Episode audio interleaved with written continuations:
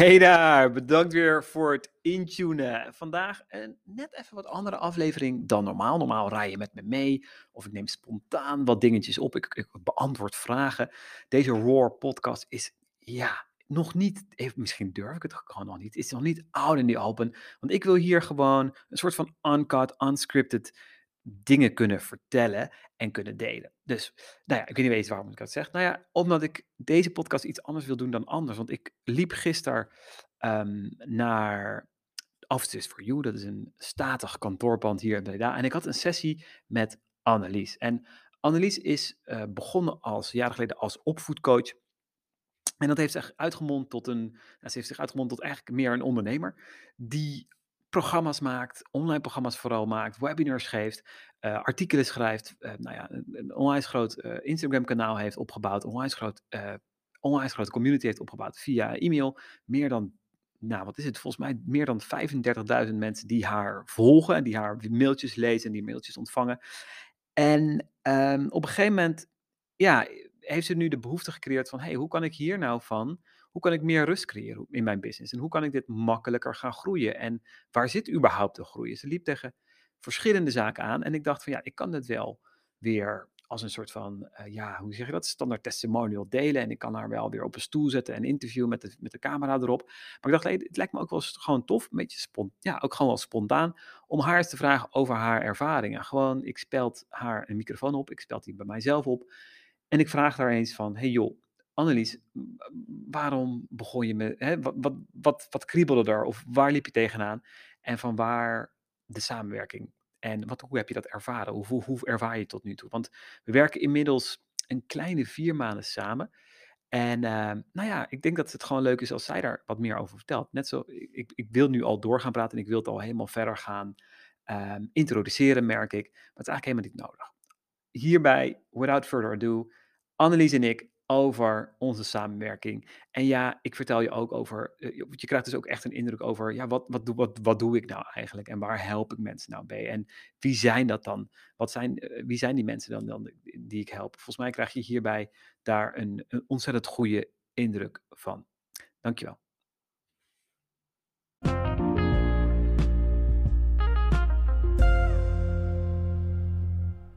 Waar, waar stond je, um, wat is het, vier maanden geleden? Nou, toen uh, had ik eigenlijk wel een bedrijf met een goed lopende omzet. En, uh, maar ik merkte heel erg dat ik, ik, was bezig met wat ik op dat moment moest doen. En als ik, hè, uh, ik draai erg goed op deadlines, maar zonder deadlines heb ik geen idee wat ik moest doen eigenlijk. Dus ja, weet je, als ik dan, dan iets had om te promoten of iets om te doen, nou, dan, dan ging ik daar vol voor en dat lukte heel goed. Maar dan in die andere dagen dacht ik, ja, wat nu? Ja, dan zat ik soms maar een beetje te Instagrammen of te twitteren of weet ik veel wat. Um, dus ja, het, het, was heel erg in het moment ondernemen. En als je dan vroeg van, goh, wat ga je over drie maanden doen? Ja, dat weet ik echt niet. uh, nee.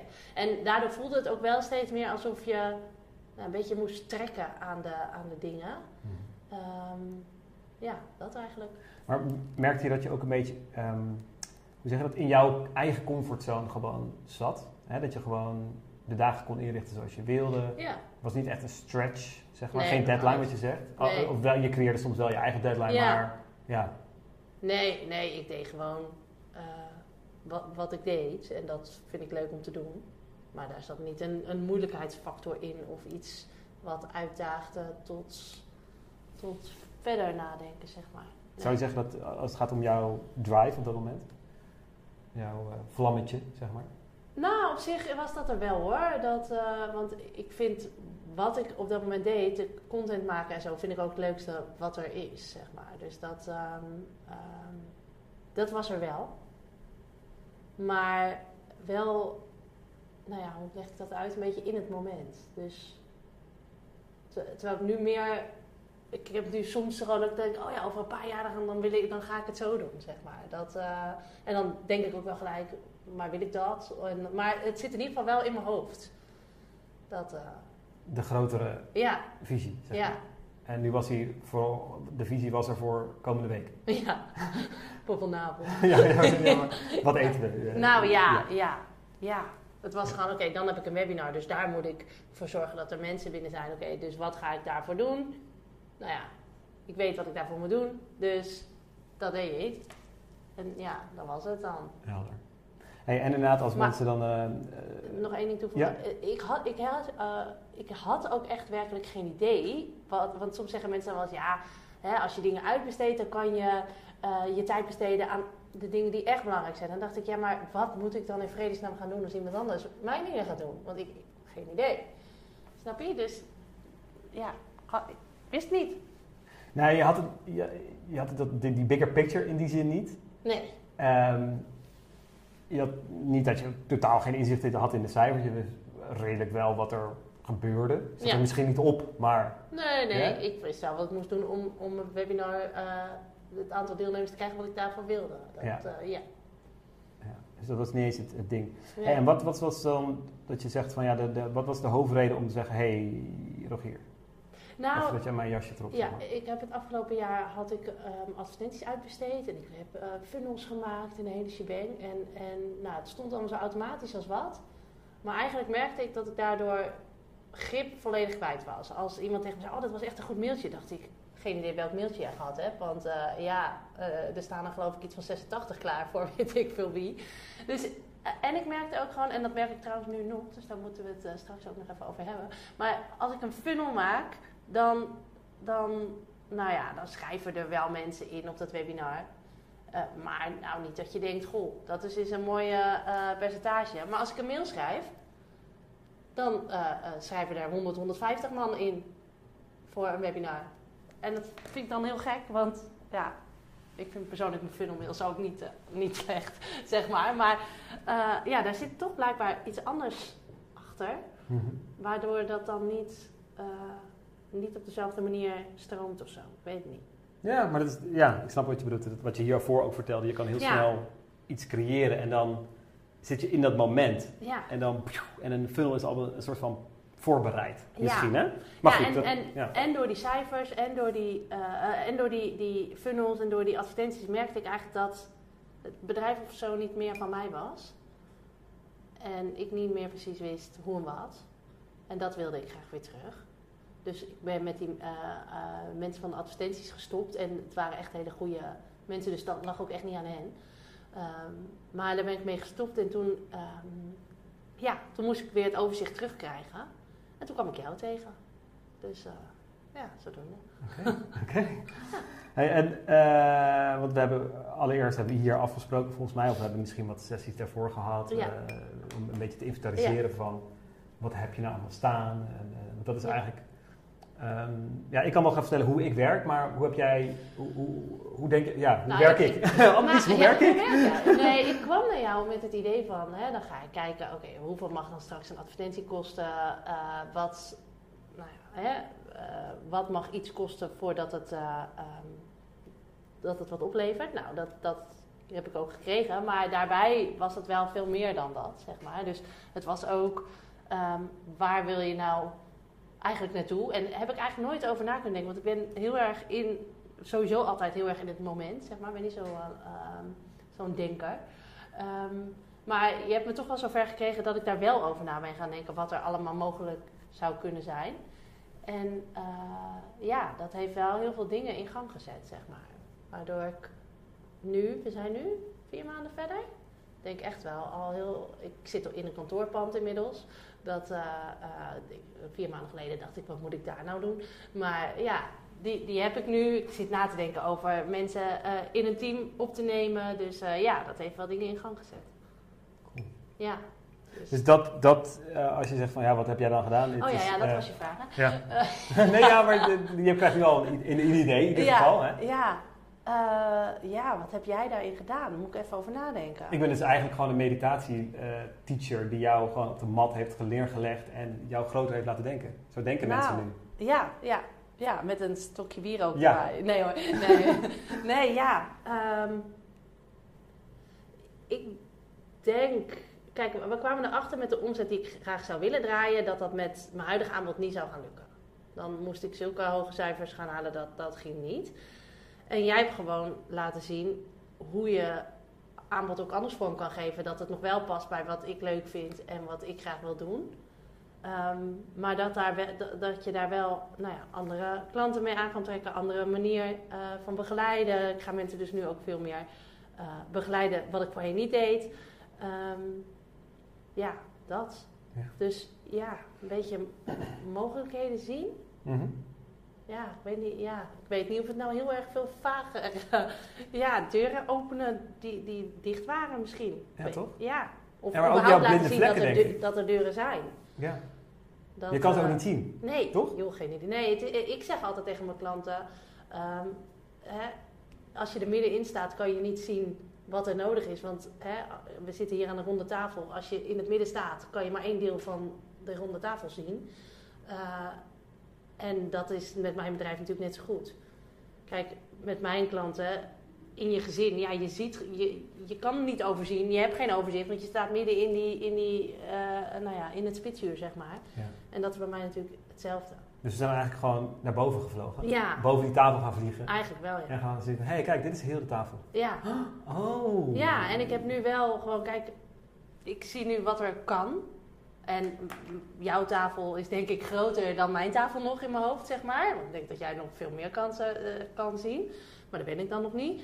Ehm, maar ik zie nu wat er mogelijk is. En nu is het nog de vraag, oké, welk stukje van die tafel ga ik als eerste aan zitten, zeg maar. Ja. En, en hoe maken we de Eh, stapjes? Ja, Hè? ja. Hoe maken we het behapbaar? ja, Daarom zijn we ook bijvoorbeeld vandaag weer Ja. hier. Hè? Dat we het Ja. weer precies. behapbaar maken. Ja, Cool. Dus, ehm, en als je kijkt, nou ja, ik zeg altijd van ja, het zijn ook gewoon eigenlijk rituelen. En, en het zijn eigenlijk hele simpele dingen. Het zijn juist helemaal geen eh, hele gekke strategieën Nee. of eh, hele, ja, hoe zeg je dat, complexe, complexe dingen. Maar het is ook een stukje eenvoud, een stukje Ja. ritme.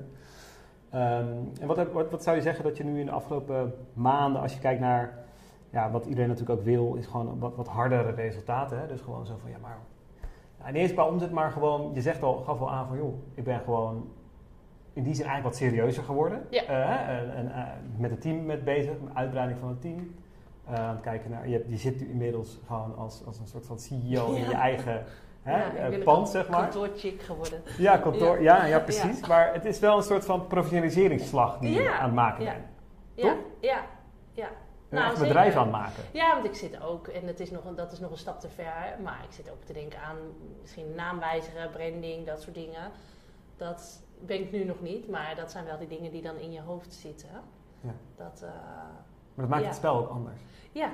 ja, en dat ik ook denk, oké, dan kan ik misschien wel eh, eh, ja, eens gaan spreken. Weet je, waar ik voorheen dacht, wat moet ik dan in, in godesnaam doen in die tijd? Dat, dat ik nu niet meer blogjes zit te typen. Ja, ik zie daar nu wel mogelijkheden in, ja. Cool. Ja. Dus, en, en naast die mogelijkheden, naast die professionaliseringsslag, ehm, wat, wat, wat levert het je nog meer op? Hè, want, je Ja, dat weet ja, ik wel. Dat ik heb nu, ehm, ja, hoe zeg ik dat? Jouw klanten zijn natuurlijk ook coach, maar ik heb wel eens, als je dan aan vreemde mensen moet uitleggen dat je coach bent, dat, dan voel ik dat andere mensen denken, of misschien vind ik dat zelf wel, heb je er weer zo een. Dat, eh, eh, heb je er weer zo een die de baan zat was en die dacht, goh, ik heb zelf drie, vier kinderen, laat ik eens andere mensen gaan helpen. Dat, eh, of ik heb zelf een burn-out gehad, nou, nu ben ik specialist. Nou, daar heb ik echt een bloedhekel aan.